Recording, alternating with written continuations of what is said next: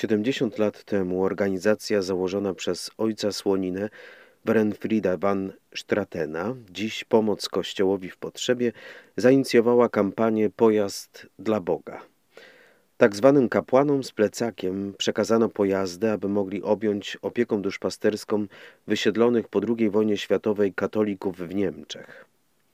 Prowadzę lekcje religii w siedmiu szkołach i regularnie odprawiam mszę świętą w trzech centralnie położonych miastach. Każdego tygodnia jeżdżę na rowerze 215 kilometrów. Często w deszczu i śniegu, wzdłuż ulic i ścieżek pokrytych lodem lub błotem w zimie. To właśnie świadectwo napotkanego kapłana zainspirowało ojca Wenefrida do udzielania pomocy księżom w powojennych Niemczech przez zdobycie funduszy na zakup pojazdów. W wyniku okropności wojny i podziału wschodnich prowincji niemieckich ponad 15 milionów ludzi zostało zmuszonych do opuszczenia swoich domów. Ponad połowa przesiedleńców była katolikami. Wielu wschodnio-niemieckich katolików zostało przesiedlonych w regionach, które były prawie wyłącznie protestanckie. Około 3000 kapłanów zapewniało duchowe wsparcie i udzielało sakramentów w tych regionach. Oni sami zostali również wysiedleni ze swoich dawnych domów. Podróżowali często pieszo z jednego miejsca w drugie, niosąc z sobą na plecach naczynia liturgiczne na mszę świętą. Wyglądali jak włóczędzy w zniszczonych ubraniach. Codziennie jechali godzinami, pokonując setki kilometrów. Walczyli z niepogodą zazwyczaj pieszo lub bardziej uprzywilejowani rowerem. Osłabieni przez trudy poniesione podczas przesiedlenia, chorowali, a wielu z nich zmarło.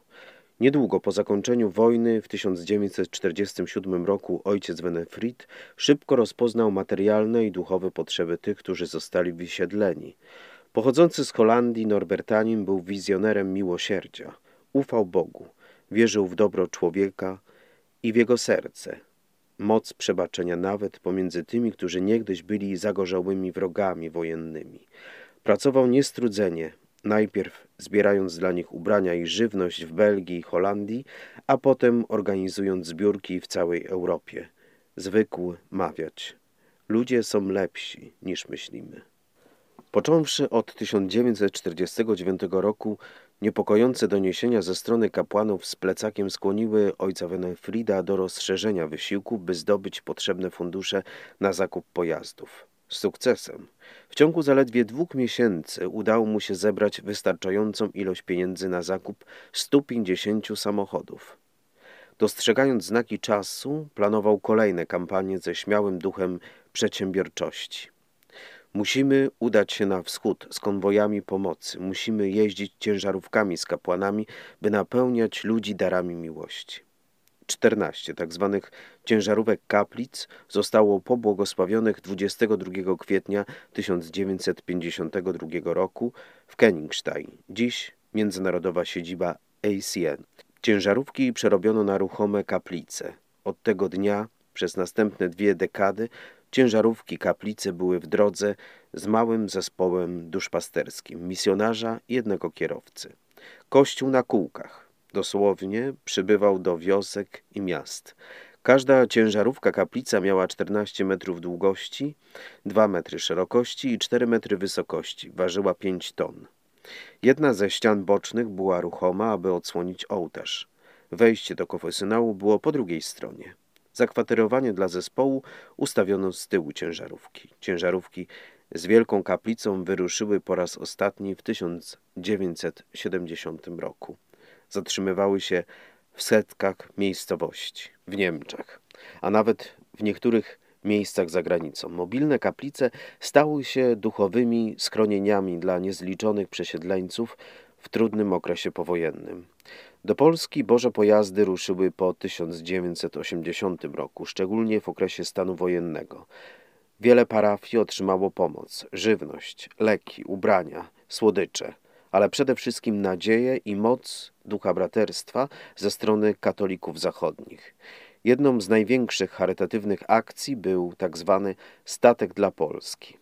W samej akcji uczestniczyło 11 organizacji, by w imieniu papieża Polaka wysłać do jego ojczyzny tysiące ton darów dla rodaków. W ten sposób motoryzacja w pracy duszpasterskiej stała się jednym z głównych celów organizacji ojca Winifrida. Dziś pod nazwą Pomoc Kościołowi w Potrzebie, a od 2011 roku jako stowarzyszenie podlegające Ojcu Świętemu. W wielu krajach na całym świecie odległości między wioskami i miastami są znacznie większe niż w Niemczech. Pojedyncza parafia terytorialnie może przypominać całą diecezję. Dlatego ACN zapewnia finansowanie pojazdów odpowiednich do warunków lokalnych, czyli tak zwanych pojazdów terenowych. Gdzie dziś potrzebna jest taka pomoc? Odpowiedź jest oczywista na całym świecie. Podobnie jak niegdyś Polska, aktualnie taką samą sytuację przeżywa Kazachstan. Jedna z sióstr zakonnych tam pracujących opowiedziała swoją historię życia. Ojciec siostry Wiery był gorliwym katolikiem. W czasach sowieckich odmówił współpracy z KGB. Z tego powodu pewnego dnia on i dwóch innych mężczyzn, luteranin i baptysta, zostali wezwani przez KGB. Władze zagroziły mężczyznom, że jeśli nie będą współpracować, coś może przytrafić się im dzieciom. Wkrótce potem córka luteranina została znaleziona martwa w pobliżu Moskwy, gdzie uczęszczała na uniwersytet. Podobnie zamordowano dziecko drugiego mężczyzny. W tym samym czasie matka siostry Wiery urodziła pierwsze dziecko. To była dziewczynka. Kiedy dziecko trafiło do szpitala z powodu zapalenia płuc i złamania kości, potrzebna była transfuzja krwi. Dziwnym trafem pomylono grupę krwi. Dziewczynka zmarła. Rodzice chcieli mieć więcej dzieci i w końcu urodziły się bliźniaki. Wiera i jej brat, który przyszedł na świat 15 minut po niej. Ojciec bał się opowiadać dzieciom o Bogu, ponieważ obawiał się, że spotka ich taki sam los jak pierwsze dziecko. Mimo to dzieci odnalazły wiarę i nawet odkryły powołanie. Wiera została siostrą zakonną, a jej brat księdzem. A wszystko to za sprawą kapłana, który po pierestrojce po raz pierwszy w 1990 roku publicznie w języku polskim zaprosił mieszkańców miasta na mszę świętą. To on pomógł im odnaleźć drogę do Boga.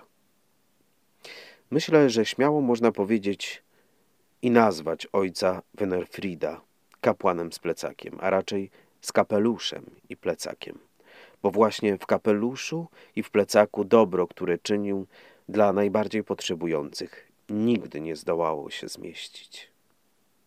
Sam ojciec Słonina mawiał o sobie: Im jestem starszy, tym wyraźnie widzę moje kapłańskie powołanie. Jestem księdzem z przekonania. To, co czynię, czynię całym sercem.